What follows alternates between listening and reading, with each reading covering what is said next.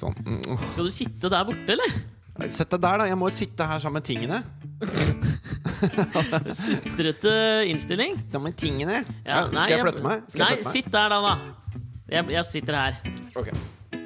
Er du klar? Jeg er klar. Velkommen til Alex og Fridtjofs podkast. Det er vel eh, rett og slett en liten eh, spesiell utgave i dag av podkasten. Spesial. Vi eh, annonserte for noen podkaster siden at uh, egentlig på oppfordring fra lytterne at uh, hvis dere sender inn spørsmål, så skal vi gjøre en sånn spørsmålspodkast. I utgangspunktet var jeg litt skeptisk til å gjøre det. Har du begynt å stamme i dag? Skal, vi- skal vi gjøre en sånn sp- spørsmålspodkast? Ja, jeg har begynt å stamme. Men jeg er litt nervøs. Det er så store omveltninger i livet mitt Ja, det er det akkurat faktisk. om dagen. Ja, Jeg har akkurat kjøpt, kjøpte impulskjøpte en leilighet her på mandag. ja en, han har impulskjøpt en paradebolig i hovedstaden, rett og slett. Ja, ja så, og det som er greia når man gjør sånne store ting, i hvert fall med meg, vet ikke om lytterne kan kjenne seg igjen i det, er at der og da så får du liksom ikke den skjelven og angsten. Men hvis det går et par dager, og du begynner å tenke på de ordentlige ettervirkningene av det du har gjort, det er da den store angsten kommer. ikke sant? Men det heter en paradebolig, gjør det ikke det? Paradevåning. Ja, Ja, Når du har balkong og sånne der, eh, eh, kjempesvære dører, sånne fløydører mellom stuene og litt sånn. Se for meg at alle, den, Jeg har aldri vært der inne. Jeg har bare sett noen bilder, men jeg ser for meg at statsministerboligen har doble dører. Ja. Hva kommer ordet paradebolig av? Sikkert av at man skulle Når man tar imot statsbesøk, tenker jeg da Dette er min eh, helt ubegrunnede teori. Så, så skal man liksom gjennom se hvordan folk bor. Det er liksom Vis meg ditt hjem, og jeg skal si deg hvem du er. Eller skråstrek hvor du bor. parade gjennom huset. Gjennom huset. Jeg ser for meg, Da må du ha med korps for at det skal være parade, føler jeg. Ja, Hvor mange musikanter trengs for at det skal kalles korps? Det er ikke mange. Nei, det er ikke mange. Jeg Det er bare de, de riktige instrumentene. Hvis du har med klarinett Én klarinett er nesten korps. Ja, Da kan vi ta en liten teaser der, for vi har jo fått inn et spørsmål eh, på eh, Vi har fått inn masse. Har dere hatt noen hobbyer dere er flaue over? Der kommer nok klarinett inn i bildet, men det kan vi snakke om seinere. Okay. Men eh, bare én ting til på det der å invitere fremmede foreign Hva er ordet? Utenlandske statsledere hjem. Så er det vel en sånn greie at Jeg tenker at det er blitt mer og mer sånn profesjonalisert eh, ettersom tiden har gått. ikke sant? Fordi jeg tror sånn Torvald Stoltenberg inviterte sånn Nelson Mandela hjem på kjøkkenet hjemme på Tåsen, tror jeg. Eller, for ikke i statsministerboligen. Og så eh, Og så var det Karin da Stoltenberg som drev og lagde mat, og de satt liksom sånn ordentlig rundt kjøkkenbordet. Tror du, det tror du han hadde gjort det samme med f.eks. Berlusconi? Eller har det noe med at det var akkurat eh, Nelson Mandela som kom? Ja, jeg tror han setter større pris på det enn Berlusconi ville gjort. Han ville sikkert ønska seg liksom sånn de, de fleste avtalene han inngår, føler, føler jeg liksom eh, skjer på sånn en strippeklubb. Ja, jeg tror Grunnen til at Berlusconi reiser på statsbesøk i det hele tatt, er for å sample prostitusjonsmarkedet over hele verden. Ja. Stort sett. Jeg er enig. Sier jeg uten å vite noe om det, og vil ikke saksøkes for det. Litt av, som f filmen Due Date. tror- Er det ikke den heter? det? Nei, Date Night med Steve Carell og Tina Kan Fey. klarer vi å lage én jævla podkast uten, en, eh, uten en sånn link til en jentefilm? Det der, tror du? Er det en jentefilm? Romantisk komedie. Due date. Ja, men den er jo Altså, jeg vet ikke Jeg synes ikke Det er ikke en sånn Julia Roberts-film, liksom. Uansett hva jeg starter å prate om, så kommer du med en eller annen film som er Date en romantisk Night, komedie som uh, leies primært av jenter og deg. Ikke, ikke nødvendigvis Date Night. Den tror jeg leies av ganske mange gutter fordi den er, det er Steve Carell og Tina Fey tror jeg har en appell. Uh, uh, Pankjønnlig appell. Velkommen til spørsmålspodkasten med Alex og Fritjofs podkast. Alexander, du har hatt ansvar for å samle inn spørsmålene. Jeg har ikke lest noen spørsmål. Ja, jeg har samlet, Vi har fått inn eh, veldig mange spørsmål, og det syns jeg er veldig koselig. Så en tusen, så kommer jeg til å glemme dette etterpå, så derfor sier jeg nå tusen takk til alle som har sendt inn spørsmål. Men er det mye spennende spørsmål, eller er det kjedelig? Altså, Det som jeg syns er fascinerende, er de som sender inn ja-nei-spørsmål. Da føler jeg at du ikke har tenkt, tenkt deg. Vi kan ta et eget segment hvor vi bare sånn Jepp, nei, nei, ja. Nei. var, du, var dere på jubileumskonserten til Klovner i kamp? nei. Nei. Vi var ute og reiste og lagde TV-program. Det er mange spørsmål om eh, dette TV-programmet som vi eh, har spilt inn nå. Vi er ferdig, gratulerer. Men vi kan jo ikke avsløre noe egentlig om det. Det kommer på TV Norge neste år. Det er det vi kan si. Ja. Og så ble det jævlig bra! Ja, det ble, det ble jævlig bra. Det er lov å si det. Det er gøy å lage jævlig bra TV-program. Ja, ja fy faen. Har du vi gjort det før, eller? La oss gå til spørsmål. Det er ikke en av spørsmålene i spørsmålspodkasten. Ok. Ja, jeg tenkte vi kan begynne Vet du, Jeg bare går nedover. Jeg, så jeg, jeg har plukket ut eh, en del spørsmål. Ja. Eh, ikke i noen sånn spesiell rekkefølge, så det kommer til å havne helt hulter til bulter. Ja. alt dette her. Ja. Men vi har fått inn et spørsmål fra en som heter Fredrik. Og han lurer da på, siden den jeg tisa med den, så har dere hatt noen hobbyer dere er flaue over? Og jeg tror Fredrik har fått med seg det, for det står klarinett, f.eks. Ja. Det er jo min flaue hobby, da, så kan jeg ta den først, bli ferdig med den. Så Ja. kan du få lov å tenke litt. Jeg var jævlig gira på rollerblades en stund. Du var det, eller? Ja. Hvor gammel var du? Eh, Opptil ganske nylig. Hva? Nei, jeg var sånn, altså Når junkiene begynte å stå på rollerblades, Da. så følte jeg at eh, faen eh, Nå må jeg kjempe imot. Mm. Fordi at hvis, hvis, eh, hvis bare de står, så kommer de til å ødelegge denne fantastiske lekne sporten rollerblades kan være. Eh, for, for det er gøy, og det går jævlig unna. Og så husker jeg jeg var på uh, Sandaker-senteret. Mm. Og så så jeg en junkie komme nedover fra Storoen, den bakken nedover fra trikkeholdeplassen her, som er grisebratt. Grisebratt og alltid dårlig asfaltert. Ja, og masse trikkeskinner og Mm. Og han, han hylte 'flytt dere' til liksom de som var i bånn. Og han hadde med en kasse øl. Oi! Og når jeg så han junkien komme i sikkert 50 km i timen nedover, nedover med en kasse øl, så tenkte jeg at eh, ok, løpet er kjørt. Jeg må ja, jeg legge fra meg rollerbladesene. Jeg har aldri forstått at rollerblades ble det foretrukne framkomstmiddelet for eh, narkiser. Det er jo livsfarlig. livsfarlig. altså, jeg ville jo mye heller tenkt at de burde for gjøre som deg og bruke sparkesykkel. Det vil jeg jo kanskje tro at også var en ting du kunne vært litt flau over, for du har jo sparkesykkel en dag i dag. Føler meg overhodet ikke flau over sparkesykkel. Jeg hadde også en sånn strikke eh, strikketøyfase Når jeg var sånn 16, hvor jeg syntes det var jævlig gøy å strikke. Så parallelt med skating så drev jeg også med strikking. Ja, Eh. ja det, Jeg sto jo på skateboard, og da var det liksom ikke greit Altså Da hata man jo litt på de som drev med rollerblades. Å hate på Jeg vet ikke om det er greit å si. Jo, det er innafor, det. jeg hater Blant litt på på deg. kidsa Jeg hater er litt på det. Lol, det, altså. Ja, du er i ferd med å bli en, eh, en far. Ja. En far som bor i en paradebolig på Grünerløkka. Mm. Eh, er det litt patetisk da at du fortsatt sier 'hater på'? Nei, ikke Jeg det hater på det. Ja, men hva skal jeg, jeg, jeg hater på det litt. Jeg, kan, jeg skal vurdere det. Jeg skal vurdere det, det jeg skal si med 'jeg hater det litt'. Ja, men jeg syns det blir sterkere når jeg liksom hater på det. Skjønner du? På! Hater på det. Nei, det bare høres jævlig fjortis ut. Ja, men altså, hvis, jeg kan, hvis du kan stå på Jeg hater på at du sier 'hater på'. Ja, men Hvis du kan stå på sparkesykkel og ha en eh, jente på sex, så kan jeg si hate på. Ikke sant? Faen, kanskje, jeg kanskje vi er patetiske begge to. Ja. Jeg har samla på frimerker. Det er jeg faktisk litt flau over. Filantologi, er det ikke det? Jeg samla på gamle mynter da jeg var liten. Du gjorde det. Fordi Og bestefaren min, bestefaren min Ja. Bodvar, Bodvar Nilsen, Bodvar Nilsen. ble kalt Bodden blant venner. Han uh, jobba på Kredittkassen på eh, Fornebu. Å, Kredittkassen, det er borte. Og det var på en tid da det å jobbe i bank Det var liksom Det var et uh, heisan sveisan-yrke. Det var liksom, Da var det litt høyt på strå når du satt, satt bak skranken i bank. Og tjente veldig godt. Ja, og det var sånn da, Det var sånn typisk sånn gullklokkeyrke. Du kunne ha det fra du fikk det til du døde, liksom. Det er den Du norske, bytta ek aldri jobb. ja, den norske ekvivalenten til det som alltid i USA, sånn når, i de jødiske familiene, så enten doctor eller lawyer, så tror jeg i Norge så var det liksom sånn Han, han jobber i bank. Ja, hvis du skulle komme hjem med svigersønn. Ja, ikke sant? Det Ja. tror jeg var veldig bra. Men i hvert fall da fikk han jo inn mye, mye rare mynter som ble veksla, sånn, som ikke var verdt en dritt. Så det fikk jeg alltid i julegave. Mhm. Ja, I de der hellegreiene, husker du de? De som man helte mynter i før i tida. ja, ja. Og så fikk man da en lapp, og så kunne man gå og få de i sedler, eller sette det inn på sparekontoen sin. ja, jeg åpna jo konto i postbanken jeg, på grunn av det. Hvor står det der? Nei, altså Jeg sto og venta på noen som skulle poste noe. mm. Og så var det sånn hellegreie. Og så hadde jeg masse småpenger. Så tenkte jeg jeg skulle bare telle dem. Så jeg kasta alle oppi. Og da blir de satt inn. da Å ja. Så for å få det tilbake Så måtte jeg opprette konto i postbanken, hvor de ble satt inn på, og så ta de ut igjen. Så Ja, okay. vi ble jo på posten i to timer. Det var Og jævlig- med et sånt eh, gebyr for å åpne kontoen. Ja, det ble bare tullet der. ja. Men i hvert fall Bodvar satt og jobba på Kredittkassen og, og samla på mynter som jeg fikk til jul. da Fy faen, år. stingy dude, ass! Ja. Og jobber i bank, tjener masse penger, og så gir altså, han regifter mynter!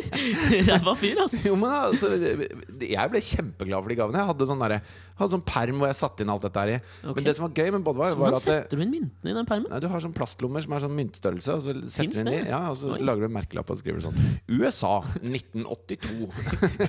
så det var liksom ikke så sjeldne greier heller. Nei, nei. Men uh, det var en gang når eh, eh, Louis Armstrong Da? skulle spille på Chateau Neuf. Hva? Ja, Ok. Uh, og så lander jo han på Fornebu, for det var jo hovedflyplass da. Og så kommer han, uh, og dette er i august, så kommer han gjennom, gjennom der. Og så ser han da Bodvar Nilsen sitte i skranken på kredittkassen På Fornebu? på Fornebu. Ok. Og Bodvar hadde ekstremt mye hårvekst, sånn krøllete, helt eh, Afro, A4-ark liksom? hår. Toralf Maurstad-ish? Ja, ja, litt sånn. Ja. Og så eh, ble han jævlig fort brun. Så han hadde vært ute Oi. hele sommeren og vært på båt og holdt på. Ja. Så han var smellbrun og hadde sånn hvit, tilnærmet afro. Ja. Så kommer da Louis Armstrong bort, og så stopper han. Og så snur han seg, og så ser han på Bodvar. Og dette er jo Norge for eh, altså 30 år siden. Ja. Eller 35 år siden. Eh, så går han bort så bare You're the first negro I've met in Norway. Oi. Og så fikk han liksom gratisbilletter til konserten. Altså han tok med Elsa Nilsen på, på konsert på Chateau Neuf i kraft kraft av å være neger. Dette er jo helt rått. Litt også fordi at jeg hele tiden tenkte meg at det var Elsa Lystad. Jeg veit ikke hvorfor at det var Elsa Lystad han tok med. Bare, det er det det fordi du sa Toralv Maurstad til håret hans, så begynte du å tenke Elsa Elsa Lystad? Nei, det er da min bestemor Elsa. Else. Da er neste spørsmål, da. Ja. Hvem av dere hadde klart dere Skal vi se, jeg må alltid si hvem det er fra. Dette er fra Robin. Jobbin! Robin er et navn man ikke kan Sa du Jobbin? Nei, Jobbin. er et navn man ikke kan bli gammel i, eller? Nei, altså Nei, jeg er enig. Ja, Det er Ja. litt som å kalle en, en Robin, du kan godt si hate på resten av livet. Ja, det kan du gjøre. Det er litt som å kalle en bitte liten eh, baby for Egil. Passer ikke? Robin lurer på hvem av dere hadde klart dere dårligst på Robinson-ekspedisjonen.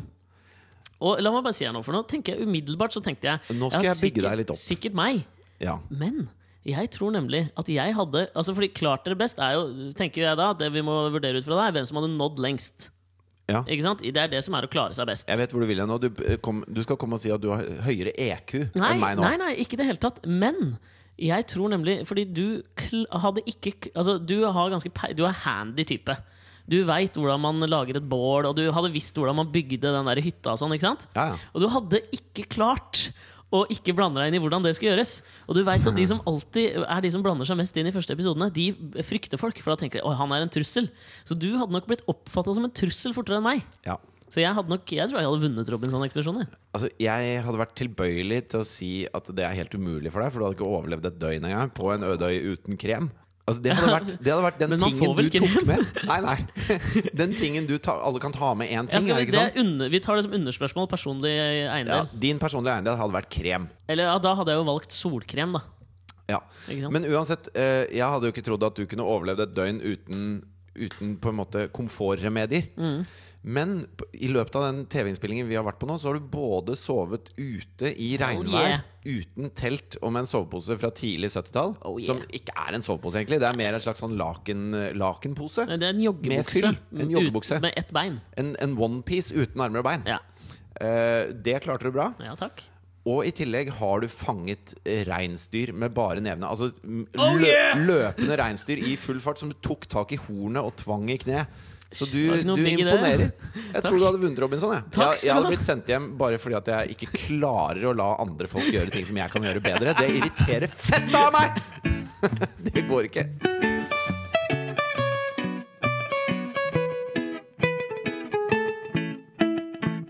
Joakim har sendt inn et spørsmål som jeg syns var litt artig. Eh, og det er da følgende er det noe, altså Han gir et eksempel. da At Joakim eh, blir dratt med av kjæresten sin på Henny Onsdag-senteret. Og han later som han trives der, men han syns det er helt jævlig. Så spørsmålet hans er Er det noe dere later som dere liker, men som dere egentlig synes er dritkjedelig? Type sånn serier på TV, noe musikk eller noe kunstgreier. Jeg, jeg syns det er litt sånn feil formulert. Fordi at det, Sorry, Joakim. Du Sorry, Joakim, du dreit deg ut. Nei, for det er mange ting som man liker resultatet av. Ok. Sånn at det, Hvis det er noe kjæresten Du merker at dette, dette er viktig for min kjæreste, f.eks., Ja. så liker jeg resultatet av at hun får innfridd at det er viktig. Altså være med Altså, Katrine på shopping. Du syns du ja, liker at si- du ser fin ut, men Si at Katrine skal ut og shoppe, da. ja. Og så øh, skal hun kjøpe et eller annet som hun har ønska seg veldig lenge. Mm. Og så blir jeg med på det. Og så, og så øh, tar jeg på mitt tapre fjes og, og sier 'å, dette er hyggelig', liksom. Ja. Og så får hun shoppa det, og så, og, så, og så er hun da smørblid i dagevis etterpå. Og det å gjøre henne smørblid i dagevis etterpå, det er det jeg gjør. Jeg Jo. er ikke ute og shopper, på en måte. Ja, men Katrine veit veldig veldig godt at du hater å være med på shopping. Det er jo derfor hun ringer meg. Ja, Det er derfor det er et dårlig eksempel. Ja, Men altså, det, er, det kan jo være noe mer sånn altså, Det er veldig mye lettere med f.eks. TV-serier og sånn som går for å være veldig bra. Og så sier man at man syns det er bra. Det har jeg nok Det har jeg gjort. Altså, jeg, øh, har sett, jeg så, har sett tre episoder av Breaking Bad som hylles som bare faen. Jeg sier at jeg syns det er bra. Nei, jeg, jeg skjønner ikke helt det nå. Jeg ser for meg at det er litt sånn med jenter som sier at de liker å gi blowjobs. Ja, det ja, det Det, er den. det Later de som de liker det. Ja, det syns jeg er vakkert. Ja, det er oppofrende, ass. Jo, jo fordi da føler jeg Da er det virkelig kjærlighet, da. Når de, når de gjør det mot deg, så, så vet du innerst inne at de gjør det for at du skal ha det bra. Ja. Og det er det som er ordentlig kjærlighet. Ja, det er sant, ass Mahatma Gandhi gir mye blowjobs. Til Indira. ja. ok, moder Teresa, da. Ja, jo. Hun elsker. Elsket. Vel Elsket. ikke. Jo, men jeg tror, jeg, altså, jeg tror det han mener, er liksom litt mer sånn trivielle ting. Ikke det at man oppofrer seg no, altså, seg for noen andre for et større gode, for å liksom gjøre noen glad. Men at du liksom Jeg hadde forventa litt mer latter på det bildet av eh, Mahatma Gandhi som gir en blowjob. Sorry. Ja. Ok, Sorry, trivielle ting. Jeg, jeg, har en ja, er, jeg har en innrømmelse her. Ja. En ting som står i denne stua, som jeg har sagt veldig mye. At liksom Jeg, jeg digger det. Og det er Jeg har en platespiller. Vinyl. Altså, jeg har en del vinyler. ja. Jeg later som jeg liker det. Litt fordi at det, det er noe sånn romantisk over det. Syns egentlig det bare er stress. Mye Hører ikke så jævla stor forskjell på det å spille fra Spotify. Ass. En ting, altså en ting er jo at det er jo ikke kjæresten din som vil ha det. Det er Nei, nei. ingen som har sagt at du må ha det. Det er bare Nei, du som syns du virker kul hvis du har det. Absolutt. Later som jeg liker vinyl. Den kan jeg innrømme. ass Syns det er ganske stress å drive og snu den der eh, plata hele tida. ass. Ok, ja, men Da skal ikke jeg være dårligere. Da skal jeg komme på en ordentlig ting. Ja, nå følte jeg at jeg Ja, nå, bøy nå, litt. nå byr du her. Ja. Venner. Nei da.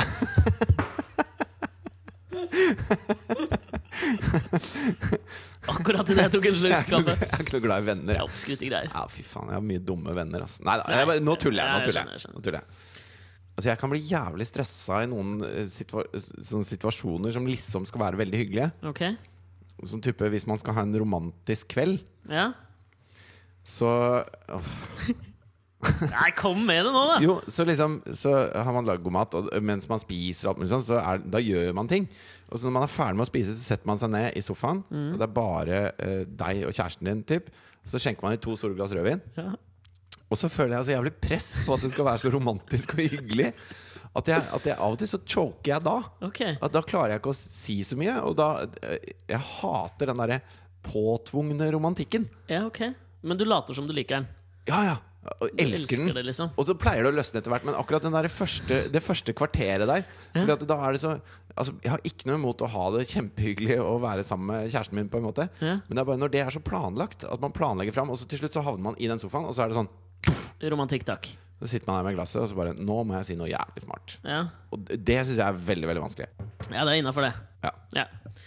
Neste spørsmål. Joakim har sendt inn to. Jeg syns Joakim skal få ett til. Okay. Fordi han refererer til en tidligere podkast som vi har spilt inn, da vi snakket om pornovaner i USA.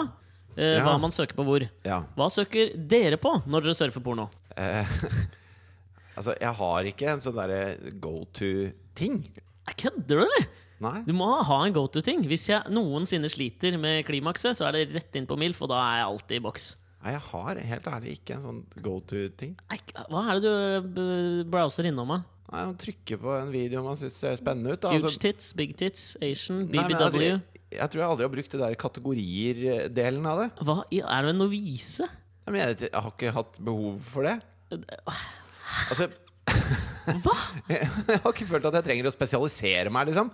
Nei, nei, men altså, Du kan jo tenke liksom hva slags mood du er i den dagen. Altså, Er du i mood for noe Asian, eller er du i mood for noe granny, liksom? Du må jo tenke det. Hva har jeg lyst på i dag? Amateur? Nei, men går du og tenker Det blir jo som den der romantiske stunden jeg akkurat prøvde å si nå. Det er ingen når det er for planlagt, med Går du og tenker det? At du bare hm, I dag, i kveld, så er jeg in men- the mood for some Asian. Nei, nei, og så, men og så logger du- du deg inn, og, og Logger du deg Hva, hva så- Går du inn på en side, da. ja. Men jeg, jeg har aldri gått inn på sånn Jeg tror ikke jeg har en sånn spesiell fetisj. Er du seriøs nå, eller? Dette kan altså, Har alle du, fetisjer der ute? Nei, men Det trenger ikke å være en fetisj, men det kan jo være et ønske du har akkurat der og da. Så, du liksom, så skal man liksom gjøre dette, man skal onanere. Og så finner du ut liksom sånn? Hmm, Så tenker man litt sånn Ja, så ser man på noen, og så tenker man Ja, nå kunne jeg tenkt meg litt eh, Og, så ser man der kategoriene. Altså, ja, hvordan, da- hvordan tenker du da, Alex? Lukker du øynene, da, så er det sånn hmm, Hva altså, hva? Nei, det er mer en sånn følelse som strømmer gjennom kroppen. Så det, I dag er det MILF-følelsen, f.eks. Eller i dag er det en sånn amateur. I dag vil jeg ha litt dårlig filming. Men man sier at gravide kvinner blir veldig Altså kvinner når de er gravide, blir Mm. veldig eh, sexy. Ja, så, som mye sexy-timete, holdt jeg på å si. Ja, det òg. Men, men nå som, nå som du har en gravid kjæreste, har du begynt å gå inn på sånne pregnant-ting? Uh, ting? jeg har ikke det. Du har ikke det? Nei, det, det syns jeg blir litt ekkelt. Ja. Jeg er veldig sånn normal i akkurat det der. Ja. Eh, svaret er nei. Men du, du må jo ha én som du ser litt Nei, mer på enn altså, andre. nå er jeg helt ærlig. Fy faen. Altså, jeg, de gangene jeg benytter meg av eh, porno pornofilia, Ja, ja, ekkelt å si benytte meg av pornofilia'. så, så det, trykker jeg på det første som jeg syns ser ålreit ut. Da. Alltid så vanskelig å se i de der små øh, vinduene som er først. Hvis du holder musa over, så beveger de seg litt. Nei, gjør det det? Oh, det er ikke lov å si mus akkurat nå. Faen, altså. Neste spørsmål. Ja, gå videre.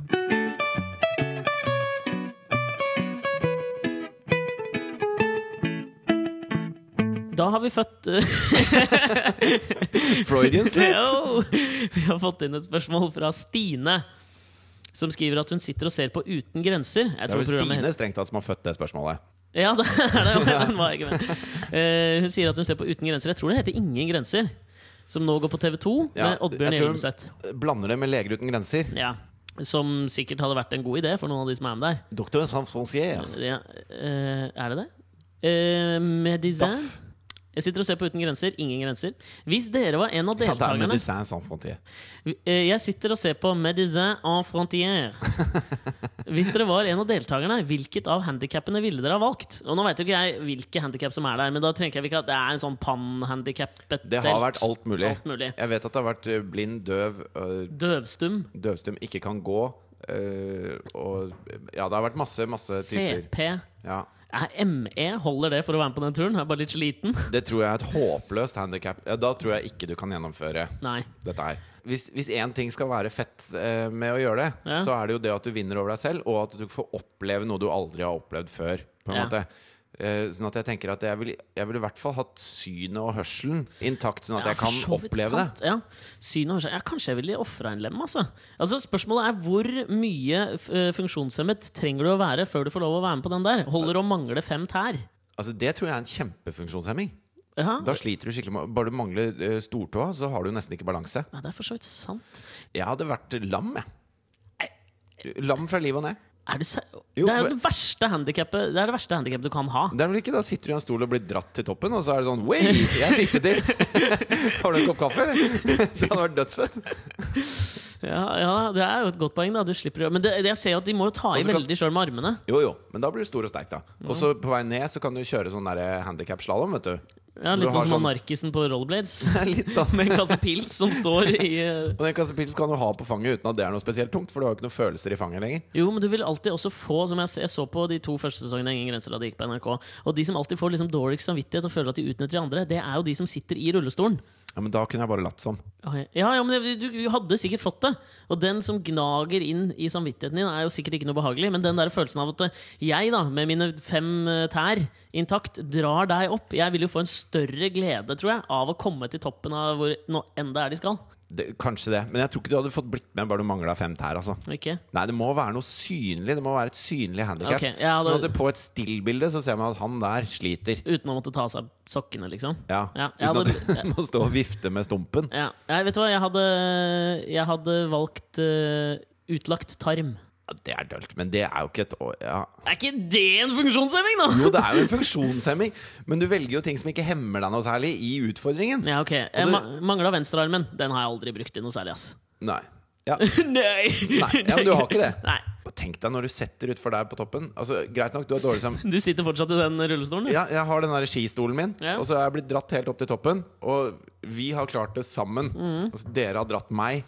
Vi er på toppen. Det er seierstemning. Det er lykkerus. Alle gråter og sånn. Ja. Og så kan jeg bare sånn Ok, ha det, folkens. Ned Sette fjellsiden. på Det ski på de. Ja, jo, jo. Men jeg tror jeg hadde stått igjen der etter å ha dratt deg opp med høyrearmen min. da Så hadde jeg liksom hatt en større sympati hos den norske befolkningen, blitt invitert på Skavlan og blitt eh, AUF-politiker. Og fått mer kred.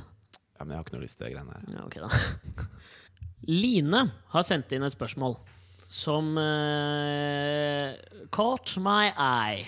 Ok. Fanget mitt øye. Ja, som, som fanget min oppmerksomhet. Oppmerksomhet er det. Hva er det mest latterlige man kan utdanne seg som i Norge? I utgangspunktet så skal jeg være litt sånn stein i glasset, for jeg tenkte at i utgangspunktet så skal jeg eh, Så tror jeg at man ikke trenger å utdanne seg for å bli journalist. Vet du hva, jeg skulle til å si uh, lydtekniker. Det kan jeg ikke helt se. Jo, fordi at det, åh, Nå er det mange som kommer til å bli sure på meg når jeg sier dette her, da. Men, men jeg føler at, eh, at hvis, man tar en, hvis man tar en utdannelse, da, Ja. spesielt innenfor et yrke som driver og forandrer seg hele tiden, Ja. så, uh, så er man liksom for seint ute. Man lærer ting som er feil. Og så har man ikke den praktiske erfaringen som trengs for å gjøre det bra. Ja. Så eksempel sånne lydteknikere som kommer rett ut fra NIS, er liksom, de, de kan ingenting. Mens folk som har drevet og skrudd lyd hele livet Det er sikkert akkurat det samme med hvis du tar uh, uh, og studerer spesialeffekter innen film, ja. på en måte. Eller det å klippe film og TV.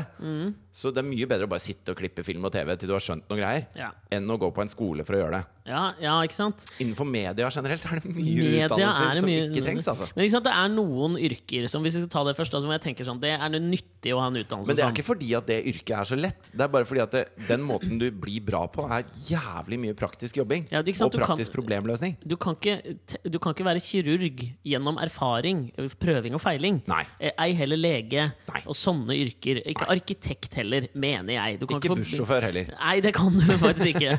Bussjåfør trenger du ikke utdannelse for å bli, ass. Jo, du trenger jo en slags Du trenger å være flink til å kjøre. Du trenger å ha lært å kjøre. Ja, ja, men da kan du jo bare kjøre. Jo, men ikke uten lappen. Altså, du trenger, du trenger busslappen. Ja, men liksom, jeg føler ikke at det er en utdannelse å ta busslappen. Liksom. Jo, du har lært noe. Det var minimum tre år, mener jeg liksom er en utdannelse. En bachelorgrad. Okay. bachelorgrad. Ja. Ja, da tenker jeg De praktiske yrkene Altså de yrkene du, så, De som vi nevnte nå, de trenger man det på. Men alt, nesten alt innenfor media, det mener jeg er waste. ass Bare gjør det. Det er unntatt skribent. Altså forfatter-type greie. Yeah. Jo, der er det mye å lære. Yeah. Bare les masse bøker, så catcher du opp. Så må du skrive mye, ikke sant? Bare Så- les masse bøker, Ja, så må- catcher du det ja, greiene må der. det. Altså, det fins jo noen sånne forfatterskoler rundt omkring i Norge. Jeg tror Aschehoug har en forfatterskole, og så ligger det en sånn skriveakademi borte i Hordalandet utafor Bergen. eller noe sånt nå. Jeg tror de beste ikke har gått der. Ass. Ja, Knausgård har jo gått på den i Bergen Nei, utafor Bergen. da Jeg tror, altså det, Mitt svar til det der er at det er helt latterlig å utdanne seg på en skole til noe som, eh, til noe som skal være litt sånn Hvor du skal pushe noen grenser og, og lage din egen identitet gjennom det. Ja. Eh, altså Nei, det ble også feil sagt. Nei, nei, men jeg skjønner hva du mener. Altså, jeg har sånn der, et horn i siden til Westerdals. Tenker jeg sånn Bortkasta skole å gå på. så, ass. Nå skal vi bare lære å være kreative. Jeg veit ikke, jeg har noe vondt. Jeg, jeg liker ikke helt den skolen der. Ass. Ja, for det er noen, det er noen sånne der, Man må gjerne gå på litt seminarer og sånn, men å gå og, Jo, jo. Men sånn derre- Jeg så et seminar med John Cleese hvor han snakka om det å være eh, kreativ, som Ja. jeg syntes var jævlig bra. Ja. Som gikk på når er det man kommer i en kreativ tankeprosess, på en måte. Ja. Har jeg snakka om det før? Nei? Og det, det John Cleese sa, var at du, du er nødt til å være en blanding av bevisst og ikke-bevisst. Sånn at Du må være såpass bevisst at du jobber innenfor rammer, Og så må du være såpass ikke-bevisst at, at du ikke styrer dine egne tanker. Da. Ja. Eh, og, og da først kan du skrive et eller annet som virkelig er kreativt. Og jeg husker når jeg eh, spilte i band, så når jeg skulle skrive låter Så hvis jeg satt da og hadde fullt fokus på at nå skal jeg eh, komme på et eller annet, Ja. så var ikke det som var, kom noe bra. At da, da prøvde jeg å tvinge det fram. Ja. Så det jeg pleide å gjøre når jeg skulle skrive, var at jeg satte på TV-en med lyden av. Og så er det jo teksting, ikke sant. Og så satt jeg og spilte gitar og nynna litt samtidig som jeg fulgte med på TV-en. Var det noe spesielt du så på? Nei, det var hva som helst. Okay. Det var ofte sånn daytime. Det var Home and Away og, Ja. og Friends og sånne ting som går på dagtid. Da. Oprah. Ja, litt sånn. Mm, Dr. Eh, Phil. Sånn at man, man følger sånn halvveis med på TV-en, og så hører du halvveis hva du selv spiller. Og, og plutselig da så merker du at du har spilt og sunget et eller annet 30 ganger om og om igjen. Mm. Og da kan du skru av TV-en og fokusere. Hva er det jeg holder på med nå? Nå er jeg inne på noe. For du må være såpass fraværende for å kunne være til stede. Jeg skjønner, Det er litt sånn uh, Keith Richards og Mick Jagger tok masse dop og alko. Du så på Dr. Phil. ja, det er samme greia. men det er, det er fint å lære seg noen teknikker. Men det å gå og lære hvordan man skal bli en bra uh, reklamefyr eller en bra uh, TV-regissør, eller et eller annet sånt, er mye bedre å bare jobbe med det. Jobb praktisk og vær Bare gjør. Ja, gjør, det er gjør, litt sånn gjør. som Da dere var og spilte denne Span-skiva med han der eh, legendariske produsenten Gil Norton. Gil Norton. Hvor han mente at istedenfor at dere skulle stå og diskutere hvordan låta skulle være, Ja. gå inn i studio og bare prøv det. ja Og det mener jeg det er livet på en eller annen måte. Oi, det ble pompøst. Men det er jo litt sånn. Jo, man bruker så jævlig mye tid på å krangle om hva man skal gjøre. Ja. At man sikkert hadde tid til å gjøre begge forslag før man Og har brukt kortere tid på det. Og da er det lett å, å se eller høre hva som er det beste forslaget etterpå. Ja. En ting til. Å utdanne seg altså sånn, Fy faen, jeg tar jo alle mine egne utdannelser her nå og sier at det er ræva, men språk bare les en tysk boka. Da skjønner du det, liksom. Sorry. Eller flytte til Tyskland et halvt Flytt år. til Tyskland. Ja, Det er den beste utdannelsen. Ja, livets Men, skole der. men det som er det vanskelig med det der utdannelsesgreiene, det er jo altså Hvis du hører fra liksom Afrika og sånn, da, så trenger de jo utdannelse der. Mm. Uh, men der ligger liksom utdannelse på et helt annet nivå. Da, for, for å kunne Der snakker man jo om, om lavere utdannelse i første omgang. At man, man trenger å kunne lese og skrive, Skrive. og man trenger å kunne kommunisere, og man trenger å kunne liksom gjøre de tingene som gjør at man kan uh, fungere i et moderne samfunn. Mm. Og den utdannelsen syns jeg er griseviktig. Ja, ja for Men- her snakker vi om høyere utdannelse, ikke sant? I Norge Med mindre du skal bli lege, drit i det. Fuck it.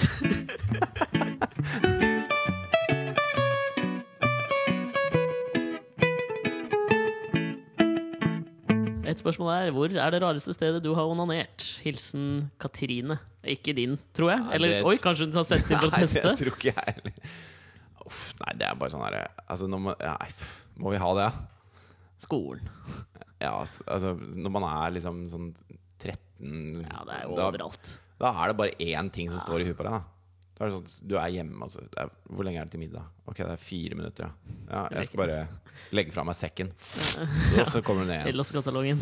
Uff, ja, nei, vi går videre. Ja, det, da har vi fått et spørsmål fra Sima, som lurer på hvis dere eh, skulle, hadde et band sammen, hva skulle bandnavnet på det bandet vært?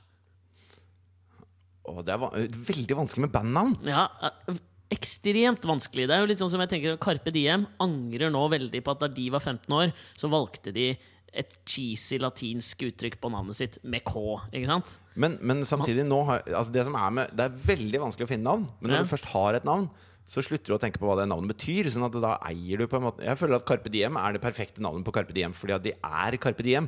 Ja, jo, jo. Men hvis de hadde hett noe annet, og så plutselig, plutselig så var det sånn Hei, nå har vi bytta navn til Carpe Diem. Så jeg synes det var det dummeste ja, de kunne gjort. Det er jo bare noe med at man venner seg til å høre det. Hvordan var det dere fant ut bandnavnet til Spanna?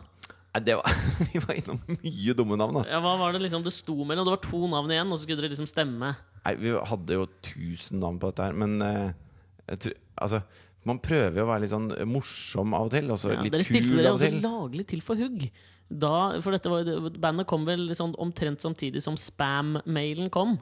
Nei, men det som, det som skjedde, var at vi hadde liksom 1000 forslag, og så klarte vi ikke å bestemme oss. Så jeg tror vi Vi het Fussball. Fussball? Ja, det var noe jævlig dumme Fuzzball? Men, eh, da, min første assosiasjon er Buzzcocks. Var dere fans av de, eller? Buzzcocks er ganske kult. Ja. Men eh, hadde masse masse dumme navn, og så hadde vi en sånn amerikansk manager Mm. eh, som het Rick Aliberti, som eh, var sånn italiensk New Yorker. ja. Smellfeit. Han, hadde, han insisterte på å ha telefonen på sin side av senga.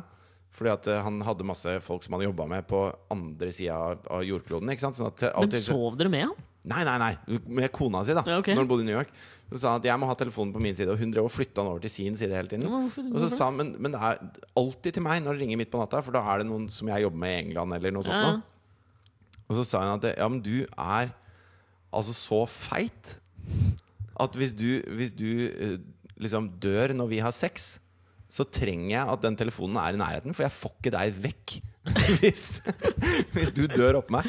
Og det måtte Rick bare si seg enig i. da Så det endte med at de fikk én telefon på hver side av senga. Men i hvert fall, han syntes alle, han syntes alle bandnavnene vi hadde foreslått, var så jævlig teite. Så sa han at eh, bandnavn skal være korte, og de skal bety sånn passe lite. Ja. Kall dere f.eks.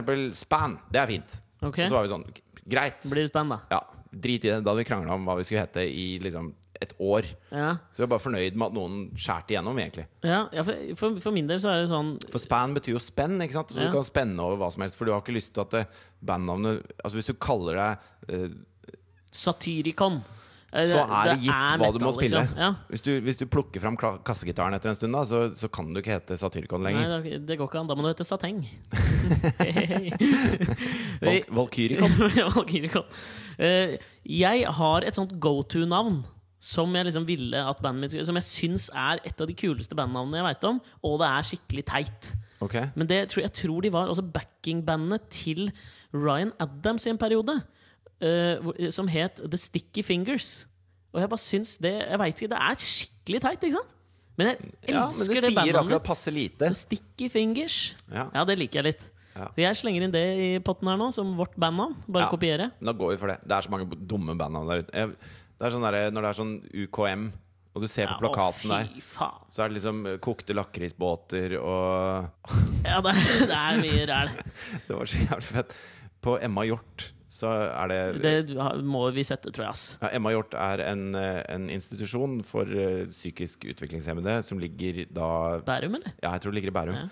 De hadde i hvert fall et band da med de som var, var Dissimilis-ish. Ja, litt sånn Dissimilis-aktig. Og da hadde de kalt seg for Rock'n'Roll Beaters. For det syntes de var fett, da. Okay. Eh, og det, var- det syns jeg er helt innafor for Ja et. Dissimilis-type band. Ja. Men så hadde det blitt noe trykkfeil på plakaten til UKM. Så sto Rock'n'Roll Beate. De hadde liksom mista de to siste bokstavene. Og Ja, det syns jeg er mye bedre band, ja. Så de hadde det beste navnet på den plakaten av alle. Ja, det likte jeg. Mye- Rock'n'Roll Beate, det syns jeg bandet vårt skulle hett. Ja, det er ganske, altså, fordi det har gått en sånn eh, hashtag-greie på Twitter. Jeg har sett Hvor det er liksom sånn uh, navn på norske punkband, og så skriver man Det er liksom uh, hashtaggen. Og så skal man liksom i, i det som skjer i nyhetene, om man kommer på noe, et artig bandnavn til det. Ok. Og det, det er et jeg har lyst til å stjele der, som jeg tenkte vi kunne hett.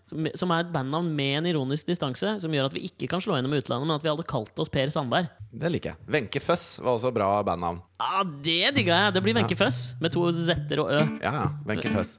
Solgt. Ole Idole i Doffen er også veldig bra.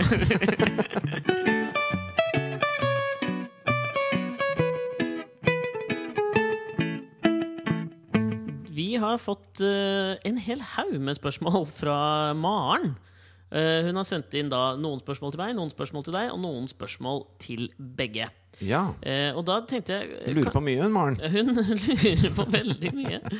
Eh, hun hadde til og med en idé her som jeg ble nesten litt sånn gira på. Det er det siste spørsmålet Kan dere en gang ha en livestream, eller hva det heter? Det heter livestream, og det er jeg veldig positivt innstilt til, eh, Maren. Tror jeg vi skal gjøre en gang. Ja, kanskje skal gjøre det. Ja. Da kan Men- du finne ut hvordan man gjør det. Jeg gjør det. Eh, Jeg tenkte Vi kan ta ett spørsmål til meg, ett spørsmål til deg og ett spørsmål til begge fra Maren. Siden hun har sendt inn så jævla mange. Kjør på. tar vi til deg først. Ok. Beskriv din kjæreste. Hun er veldig vakker, og så er hun eh, veldig, veldig snill. Og så er hun veldig tydelig. Og så er hun eh, veldig ja, men det er jo vanskelig, for jeg kjenner hadde- det jo så godt. Ja, jeg vet det. Sånn Dette sånn hadde jeg gleda meg litt til. Det blir så altomfattende, på en måte. Ja. Uh, Men uh, jeg har aldri hatt det så bra sammen med noen som jeg har det med henne. ja, okay. Og en ting til som er veldig veldig bra med henne, er at uh, når vi, når vi er uenige, da, hvis vi diskuterer, så kanskje ikke akkurat i kampens hete, men etterpå, så uh, syns hun det er veldig greit å si sorry, eller 'det ble feil, det jeg sa der da', eller sånne typer ting. Jeg liker godt at dette egentlig begynner at når vi har krangla, så er det, er det veldig deilig, for da innrømmer hun ofte at jeg har rett. Nei men, nei, men hun er flinkere enn meg til det, da. Ja, okay. Det er noe jeg har lyst til å lære å bli bedre på. Ok? For det er jo ikke sånn at jeg har rett alltid. Vi har jo sikkert rett like mye begge to. Mm. Men, eh, men det er ganske Det er ikke så mange jeg kjenner, i hvert fall som er flinke til å komme etterpå og si at vet du hva, det jeg sa der, det var helt feil. Du har helt rett. Nå har jeg tenkt Mhm. Bra om. egenskap. Kjempeegenskap Ja. som, som jeg skulle ønske jeg var mye flinkere til. ja. Tenkte, det blir jo kanskje litt feil hvis nå jeg skal velge. eh, Ok, skal jeg plukke et spørsmål Ja, Der står det en sånn som er til Alex øverst der. Ja. Kan du få velge et der? Uh, hvilke av dine egenskaper håper du barnet ditt arver? Det syns jeg er gøy. Egenskaper, Kan det være fysisk, eh, fysiske ting? Eh, Fysisk, psykisk, mentalt og oralt.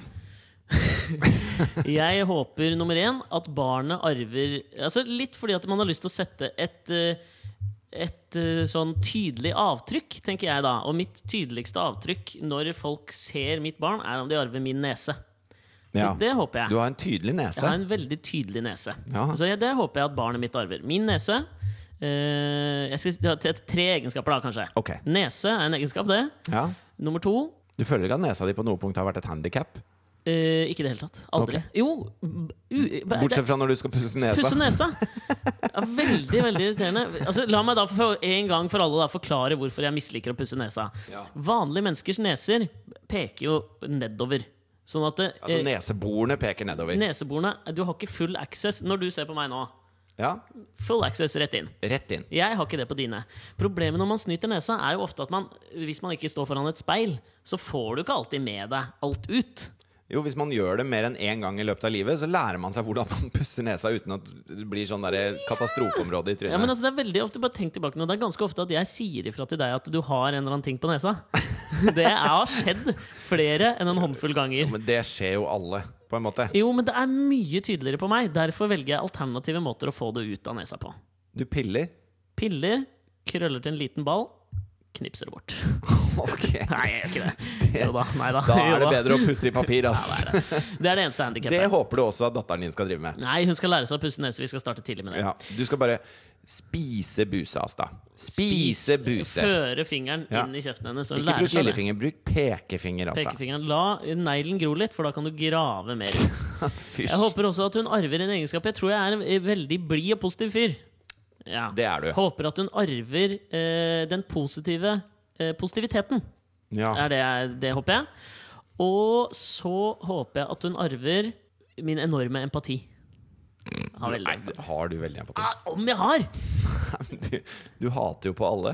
Ja, men det Du er, hater på mye. ja, men det er en slags sånn eh, Det er en front. Okay. Ikke sant? Det er et skall. Og innenfor det skallet så ligger det en myk eggeplomme av empati. Du har mer sånn derre at du er, du er mye mer følsom for deg selv enn du har mye empati, føler jeg. Hva mener du? Det skjønte jeg ikke. Jo, jeg mener at du, du blir lett Du har lett vondt, du begynner lett å gråte, og du, du får liksom sånn mye følelser i deg selv. Ja, Men det kan, får jeg også overfor andre. Ja. Og Så du hvordan jeg la hodet på skanken? Du henta fram Doddy-rennet for å understreke poenget. Det er de tre, da. Det er de tre egenskapene. Jeg håper ikke hun arver ehm, eh, høyden. Hun kan godt bli litt høyere. Eller kanskje ikke. Det er jo en kvinne. Jeg tror jeg hadde gått for uh, nesa, positiviteten og ballfølelsen. Ah, vi ikke ha en lesb... Altså, sorry, men jeg vil ikke ha en lesbisk jente. For jeg tror hun kommer til å gå, gjennomgå veldig mye mot Men jeg kommer til å elske henne Ball- uansett. Ballfølelse er synonymt med lesbiskitet? Ja, det er det. Ok. ok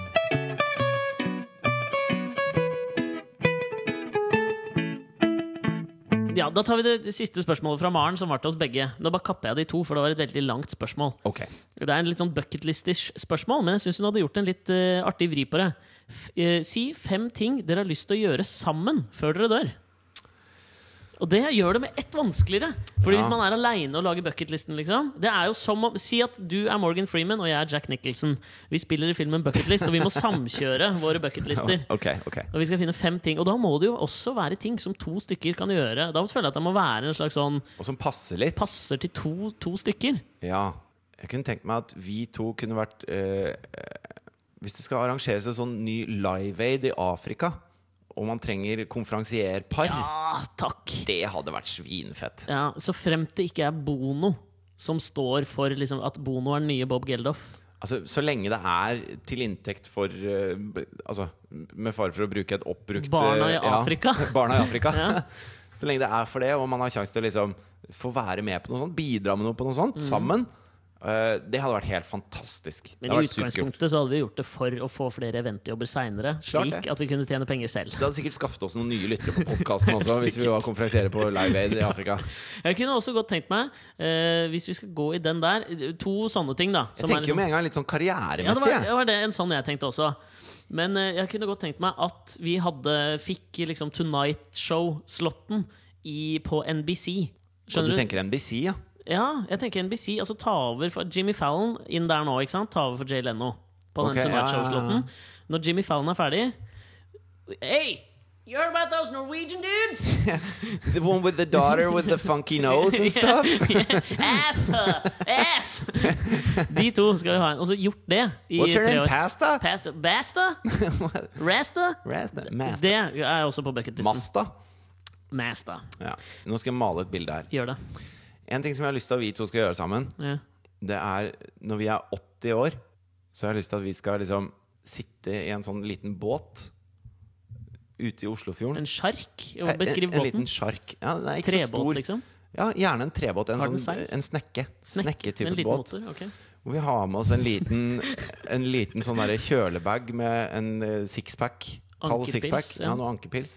Så sitter vi og dorger Mm. eh, og fisker og snakker om liksom alt det fete vi har gjort, og, og at vi har hatt det gøy, og at livet har vært bra, og at vi har liksom holdt sammen de Jobba sammen disse 50 åra og syntes at det var fett. Og, Og så fester vi Fester jeg en tung stein rundt ditt liv, du en tung stein rundt mitt liv. ja, Og så så, spiller vi inn en podkast som avsluttes med to plask. Ja, det var fint bilde. Jeg ble litt rørt nå? Eller Ja. Har så mye empati? Jeg ble jævla rørt og ekstremt redd for å dø. I vann? Du hater jo vann. Det var verste døden man kan ha.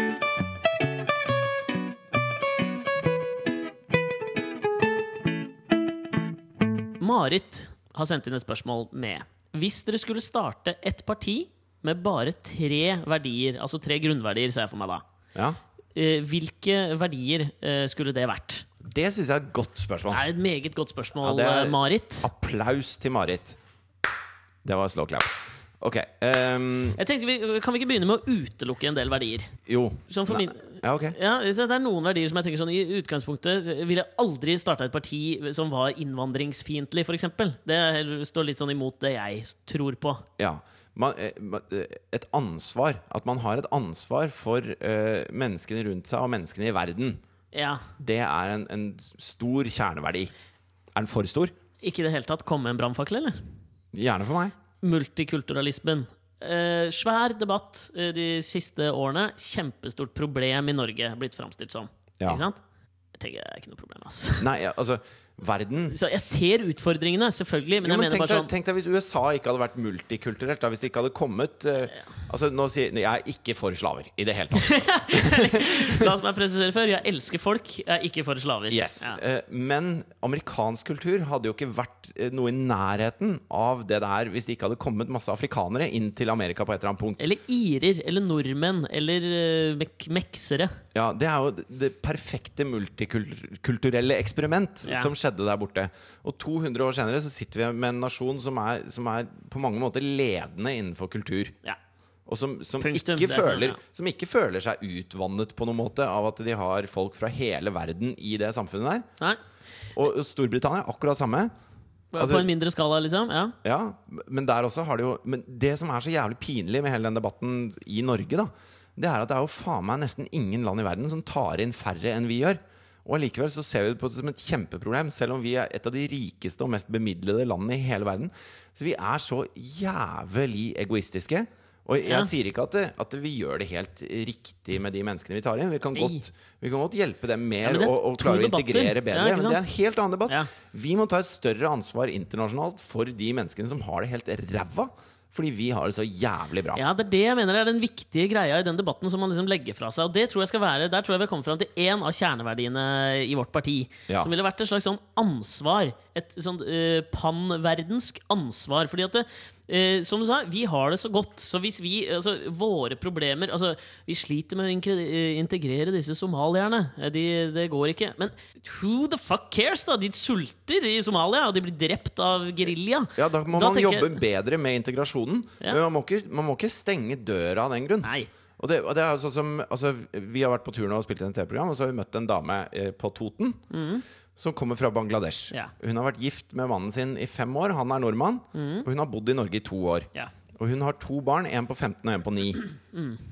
Disse to barna får ikke hun lov til å ha med seg til Norge. Nei, fordi hun ikke har fast jobb. Hun har to 50 %-stillinger, men hun har ikke én fast jobb. Og det er grunnen til at hun ikke får lov å familiegjenforenes. Så det vil si at Hun har vært gift med mannen sin i fem år. Hun har to barn, Mm. bor i Norge. Og vi, vi syns ikke at det er plass til hennes to barn Nei. i hjemmet hennes. Og liksom viktig å påpeke at det, liksom sånn, det man ofte tenker der, er jo at Eller det som ofte er den, det argumentet mot at man skal liksom få lov å hente inn også, er jo liksom sånn at hvis de, kommer, hvis de hører, kommer hit så øh, Dette er litt sånn Frp-sk øh, måte å si det på, syns jeg, da, men øh, de sender jo Da får de alle rettighetene, og så sender de alle penga hjem til familien sin. Og det som er liksom litt artig med henne også, syns jeg, da, er at hun kommer fra en ekstremt bemidlet familie i Bangladesh. Ja. Eh, Faren var ordfører i en slags sånn eh, municipality. Det heter jo ikke kommune der nede, men det samme som en kommune i Bangladesh. liksom Kommune slash fylke. Ja, greie. del av landet, da. Superrike. Sånn, det er ikke noe frykt ikke for at hun skal liksom utnytte det norske systemet, som i utgangspunktet bare utnytter i vei, da, for faen du er, bor her. Og det, det syns jeg også er liksom fascinerende. Alt ligger til rette, men bare fordi hun ikke har en, skrevet på et ark at du har fast jobb her, får ikke lov å ta barna inn. Jeg er fri- frista til å ansette Skal vi ansette henne, eller? Klippe podkasten. Hadde vært kjempegøy. Ja, Vi trenger ikke gjøre noe. Vi kan få 500 kroner i måneden. Ja. Fulltidsstilling. Drittjobb. Hun kan være PR-ansvarlig for Alex og Fritjofs podkast, for hun var rimelig god på Skype. Så da tenker jeg hun kan sikkert uh, kan styre. Facebook-sida. Men, men jeg syns, jo at uh, Når man snakker om integrering også, da Det er jo den aller aller beste form for integrering er at hun får barna sine hit. For barna hennes kommer til å gå på skole, og de kommer til å få seg jobber, og de kommer til å lære seg norsk mye bedre og mye fortere enn henne. Ja. Mm. Selv om hun kan eh, en slags norsk nå. Sånn at det, når hennes barn da vokser opp her sammen med sin familie, der hvor familien deres er, i Norge, på Toten, Mm. så vil jo de bli eh, veldig norske. Og det vil igjen påvirke henne, sånn at hun integreres bedre og får et større sosialt nettverk. Og da får man en integrasjon som fungerer. Hvis man blokkerer de ute, sånn at hun sitter aleine i det huset sammen med mannen sin på Toten og, og bare har det helt jævlig, liksom. Du kunne jo ikke snakke om de barna uten at hun begynte å grine. Nei, nei. Og, og jeg bare får vondt inni meg. Jeg syns at vi er smålige og bedritne som nasjon som ikke evner å ta vare på sånne folk. Hør, hør. Det var en kjerne, kjerneverdi, ass. og nå kjente jeg ble Ja, irritert. ja, men det var en bra kjerneverdi på partiet. ja. Det, det er liksom det samfunns, sosiale samfunnsansvaret, den sosioøkonomiske biten Ja. av vår, eh, vårt parti. ja. Uh, skulle, jeg tenker jo eh, sånn, Hvis jeg får komme med et forslag da til vårt parti, så Ja. tenker jeg at vi kunne godt uh, hatt et, et steilt forsvar for miljøet. Selv om det er litt sånn i vinden og greier, men det syns jeg er innafor. Jo, men ikke bare pga. miljøet, men også pga. at vi har lyst til å være fremtidsretta, på en måte. Ja. Eh, hvor, hvor hvis man satser på eh, nye typer måter å, å produsere ting på og tjene penger på, ja. så er man mer konkurransedyktig når oljen vår tørker opp, da. Veldig sånn venstrisk politikk. Venstre slash Miljøpartiet. Ja. Slash SV. Jo, men Problemet der er vel at SV altså sånt som jeg ser som problemet, som ikke gjør at jeg liksom gønner på stemmene mine rett til SV, det er jo at jeg tror det er en balansegang i å skatt, eh, skattenivå. Eh, hvis du skattlegger altså sånn, er utgangspunktet enig i at man skal skatte, de rike skal betale mer skatt enn de fattige. Enkelt forklart. ikke sant? Men samtidig så må man ha et insentiv til å ville eh, skape noe nytt og til å jobbe hardere og mer. Og det tror jeg, der tror jeg liksom for meg er SV på sånn, et lite brytningspunkt der hvor det kan liksom hemme litt utvikling. For jeg tror ikke alle er skrudd sammen sånn at de vil jobbe dritmye for å dele alt med fellesskapet. Og det tror jeg vi må liksom innse. Bare stille et, sånn, et helt sånn eh, retorisk spørsmål. da Hvis ett menneske betaler 3 millioner i skatt, og et annet menneske betaler 100 000 i skatt, da er det jo lett å si at han betaler mer. Han som betaler 3 millioner i skatt. Ja. Men hvis den som betaler 3 millioner i skatt, betaler 5% av inntekten, mens den andre betaler 35 ja. så blir jo det snudd litt på huet. Og man må, man må tenke på prosentene her, ikke på de rene penga. Nei, jeg er helt enig. Ja. Det var bare det. Ja, nei, men det er helt riktig. For det er jo det de rike, eh, de rike sliter med, er at dette blir jo en så stor sum. Fordi de har så mye spenn og tjener så mye penger. Og, og nå skal jeg Altså, jeg har tjent relativt godt de siste årene. Jeg har tjent bedre enn jeg noensinne har gjort etter Ja. at jeg begynte å jobbe med TV. Med Sånn meg. at Vær så god. Ja, du har gjort meg bemidlet. Ja. Men, men jeg har fremdeles ikke noe imot å se på dette som prosenter. Nei. For det er det det må være. nei, men det kan kanskje være en eh, kjerneverdi for oss, da. Ja, En relativ beskatning. ja Jeg syns ikke han fjerna arbeidsgiveravgiften. Den syns jeg er tullete. Man Ja. man skal ikke betale for å sette folk i arbeid. Da får man heller høyne den flate skatteprosenten ytterligere og fjerne arbeidsgiveravgiften. Det var skattepolitikken vår. Yes. Verdi nummer to. Ja, En siste verdi En siste verdi tenker jeg Ja, sorry. eh, må være infrastruktur. Ok, tenker du kollektivt? Jeg tenker at man skal flytte infrastruktur over fra, over fra eh, privatbilisme og lastebiltransport til tog og kollektiv eh, Altså tog på tung, tungtransport, tog Ja. og båt, og eh, kollektivtransport for personer.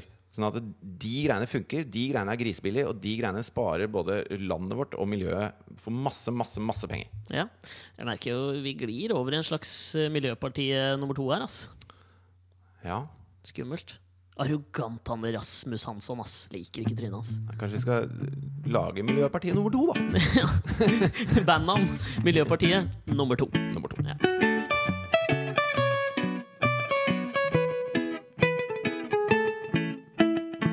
Vi har fått en litt sånn artig utfordring fra en som heter Marit. Eller utfordring og utfordring, ja. altså, Hun har foreslått at vi kan gjøre noe. Ja, okay. Som er et slags spørsmål. Er det en lek? Det er en lek. Ja, jeg liker leker. Eh, jeg tenker Kanskje vi kan moderere eh, leken litt. Grann, men det, altså det hun eh, sier her, da, er at eh, hei, hei. Hei, Marit. Ja, bra start. Ja. Eh, Dere som jobber så mye sammen, vet dere hva hverandre tenker? Eh, Og kan dere ikke teste dette? Umiddelbart så kan jeg jo si at eh, i ganske ufattelig mange sammenhenger så tror jeg ja. Ja, det tror jeg også. Fordi eh, når vi jobber, så er det jo sånn Nesten alltid når Alex åpner kjeften, så skjønner jeg hvor han vil hen med det han skal si. Og, og vice versa, tror jeg. Ja. Det er jo litt sånn eh, kvinner. Dere får jo synkronisert menstruasjon. Vi menn vi er litt mer eh, Vi skjønner hva hverandre skal si, vi. Sa brura. sånn- Det, det tenker Alex etter alt. Sa brura, tenker han. jeg tenker også det. Du, jeg følte at det var en brannfakkel jeg heiv der. skjønner? En litt sånn kvinnefiendtlig brannfakkel, men den lar vi gå. Oh, jeg, jeg hørte ikke etter, jeg Nei. bare sa, sa brura. Jeg. Ja, det er helt greit, Litt sånn som du også gjør. Ja, det er greit, det. Men eh, altså, greia at vi må jo finne ut en måte å teste dette på. Ja. Så eh, vi, nå er vi jo i podkastøyemed Ja. her. Så hva om du starter på noe eh, som du kunne tenke deg å prate om? Hvis vi ikke hadde hatt spørsmålspodkast denne uka, så hadde du hatt noen temaer du hadde lyst til å prate om. Så begynner Jo, jeg- du på det. Jeg, hvis, hvis jeg starter på et tema som jeg tenker at du ville tatt opp, og så kan jeg se om du eh, mener det jeg tror du mener Ja, om det. det var Skjønner du hva jeg mener? vri. Ja, ja. Ja. Så hvis jeg sier for eksempel Vet du hva, jeg så på Tørnquist-show her om dagen. Og faen, det høres ut som standup med en gang. Hva er greia med Tørnquist-show? Nei, så så at eh, nei, Har du sett at Sigrid gifta seg på Tørnquist-show her om dagen, eller? Og så hvis du fortsetter med det du ville sagt nå, Ja. skal jeg si om det er det jeg tror. Da må jeg bare tenke meg litt om på hva jeg ville sagt på det. Ja. Men ok, nå veit jeg hva jeg ville sagt videre. Ok, Vær deg sjøl, da. Ja. Og så sa Hva er greia, liksom? Skal vi, skal vi bli Det blir standup? Ja, det blir standup med en gang. Hva er greia, liksom? Altså, skal man dele Skal man dele absolutt alt? Er det jeg ville gått videre på der. Ja, Hva syns du om at hun gifta seg? Altså jeg, nå fortsetter jeg i det jeg Ja, hadde ja, ja. sagt. Sant? Ja. Altså det jeg tenker er at Hvis jeg hadde sittet der, eh, trengt opp i et hjørne der Du kan ikke si nei når det er på en måte på live i gåsetegn TV. Så Det blir jo et liksom falskt giftermål, føler jeg. Fordi i utgangspunktet så eh, kan det jo hende at hun hadde lyst til å gifte seg med Martin. Men kanskje hun ikke hadde lyst til å gjøre det på den måten. Og da kan du jo ikke Så si hun hadde sannsynligvis ikke lyst til å gjøre det på den måten. Nei, ikke sant? Da, men du kan ikke si nei. Så i utgangspunktet så starter jo hele ekteskapet på ga- en, en grunnmur laget av isopor. Ja, altså Er det er jeg, hva, Ja, hva, tenkte du? Jeg tenkte du skulle uh, snakke om hvor jævlig pinlig du syns det var, fordi at du, du syns du kunne se at de var litt sånn ukomfortable i den situasjonen. Ja, men Det er ikke så langt unna, det. Nei, men samtidig så tenker jeg litt sånn En av grunnene til at jeg syns det er gøy å jobbe sammen med deg, Alexander, Mm. er at du har et, et modent intellekt som evner å se utover førsteinntrykket Ja. og komme med eh, Av og til kanskje dumt, av og til kanskje smart, men i hvert fall noe annet. Ja. Og, og kanskje jeg, jeg har lyst til å trekke tilbake litt Okay. det med at jeg alltid vet hva du skal si. Okay. For det er nettopp det at jeg ikke alltid vet hva du skal si. Mye fordi jeg ikke vet hvem Judd Apatow er. men, men det er jo det som Ennå gjør at det er spennende. Jeg har ikke peiling, og jeg okay. akter ikke å finne det ut. Jeg skal ta en filmkveld, vi. Altså. Ja, altså, uff, Det gruer jeg meg til. Ja, jeg òg. Ræva filmer. Ja, skikkelig men, eh, men det er det som gjør at det er gøy å jobbe sammen. Ja, det var veldig koselig sagt, da. Jo, men er det ikke litt sånn, da? Jo, det er jo det. Føler du at du alt, Bortsett fra hvis du, hvis du spør vil du ha en kaffe, så vet du at jeg sier ja. Mye kaffedrikking. Mye kaffedrikking. Tenker du at det er ikke helt sunt man- for deg, det der. Jo, Jeg har jo, jo. tenkt mye på det. Du, be du behandler kroppen din uh, som et tempel. Den er et tempel. Så, men du har én vice. Hva er det det heter for noe? På norsk? Last. ikke, en Last. last. Og det er den kaffedrikkinga. Jeg tror altså Hvis man sånn først skal ha en last Altså, Du kan veie det opp mot liksom, det, det må slåss på byen, eller drive med heroin, eller svindle folk, eller Altså, det er masse laster man kan ha. Hvis, jeg, hvis lasten min er kaffe, liksom, da er det ikke så jævlig ille stilt. Jeg Når du og jeg sitter der da i båten og spiller inn den siste podkasten Ja, da skal jeg ha med en svær dobbeltkort. ja, men da er jeg så jævlig keen på Skal du ha kort kaffe i tillegg til pils? Ja, altså, hvis jeg skal dø rett etterpå, så må jeg i hvert fall ha med en kaffe på veien. Ja, mener du det? Da kommer du til å bli sånn eh, Du får jo eh, Altså, du blir jo mer eh, energisk av kaffe. Jeg tror jeg kommer til å bli veldig oppspilt idet jeg tar selvmord uansett. Men det jeg tenkte på da, var at jeg ville ikke Altså, kaffe det brenner deg opp innvendig, så du kommer til å sitte i den der eh, båten der med sånn utlagt tarm og være litt sånn eh! La meg være et levende eksperiment på akkurat det. Ja, okay. For jeg tror ikke at det er så gærent. Yes. Men jeg tenkte kanskje okay, jeg, jeg, syns, jeg syns vi der traff ganske bra. Ja, Men vi må jo eh, teste det omvendt også. Okay, okay. Så hvis jeg da tar opp en ting som jeg tenker du ville eh, dratt inn i podkasten, og så skal du si eh, Fortsette, da. Okay. Så jeg, jeg leste en sak her. jeg leste en sak her. Eh, det var borte i USA, da. Så var det en uh, dame som fikk en uh, homofil sønn. Altså Sønnen hennes uh, fortalte moren at han var homofil. Hvor hun da skrev han ut av testamentet sitt. 'Disowned', som de sier der borte. da Ja. Og da reagerte bestefaren, altså faren til moren igjen, med å skrive henne ut av sitt testamente. ja. Prikk, prikk, prikk. Fett! Jeg har ikke hørt om det Jeg har ikke hørt om det historien Men fet bestefar, da. Eh, Jeg tenker jo umiddelbart at han sønnen burde arve bestefaren. Sånn at det er hun mora som er kappa ut av hele greia. Var det det, eller? Ja. Det var nesten litt ekkelt. At, eh, for det var akkurat det jeg tenkte du ville si. da Ja. For du ville, jeg tenkte du i utgangspunktet ville du hylle bestefaren. Ja. Du ville få moren ut av the equation. Ja. Og da var liksom det den nesten nærmeste linken. Ja. Og det var veldig bra. Du er deg sjøl lik, si. Ja, jeg, er- men jeg er jo som en åpen bok. Ja, men jeg har jo ikke fantasi i det hele tatt. Jeg bare sier de vanlige tingene jeg alltid sier. De vanlige tingene. Eh, jeg eh, vil si igjen, da, tusen takk til alle som sendte inn spørsmål. Jeg syns det var veldig gøy å se eh, ting folk lurte på. Veldig mye rart, og det var veldig veldig mange spørsmål vi ikke klarte å svare på. Jeg veit ikke om jeg skal liksom garantere nå at vi skal svare på alt på mail, for det gidder jeg ikke. Jo, nå har du bedt om alle de spørsmålene. Du får faen meg svare på alt på mail, syns jeg. Okay, Lykke til, Alex. Jeg skal det kommer til på å alt på ta mail. tre dager. Ja, jeg lover ikke at det kommer i løpet av 24 timer, men i løpet av året skal jeg ha svart på alle de mailene. ja.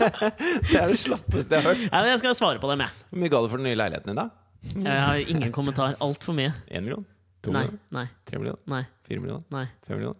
nei. Seks millioner? Nei. Og det skal være presist. skal- Ja, men jeg har ikke noe lyst til å prate om det. Jeg bare nærmer av det. Send oss mail fortsatt, da. Hvor Hvis mange det er noe. leiligheter eier du og Mari til? Lykke til. Finanskrise. Oh. Send oss noen mailer, da. Hvis det er noe dere fortsatt lurer på. Hvis dere har innspill, skryt, ris, ros, hva som helst. Alex og Fritjof at gmail.com. Ja, og like oss på Facebook, og tagg bilder med Alex og Fridtjof eh, på Instagram. Ja. Eller nå kan man jo tagge overalt. Ja, Bare tagg oss. Og følg med på VGTV-serien. Vi var ute og spilte inn et par episoder i forgårs. Ble veldig bra. Veldig morsom. Kommer med Solveig Kloppen, blant annet. Den gleder jeg meg veldig til å se. Den tror jeg kommer denne uka. Ja, jeg lurer på det. Ja, og så har Lurer på den BH-en hennes rett og slett detter av under innspillingen. Ja, og en liten teaser. Oi, oi, oi. Eh, ha det! Ha det!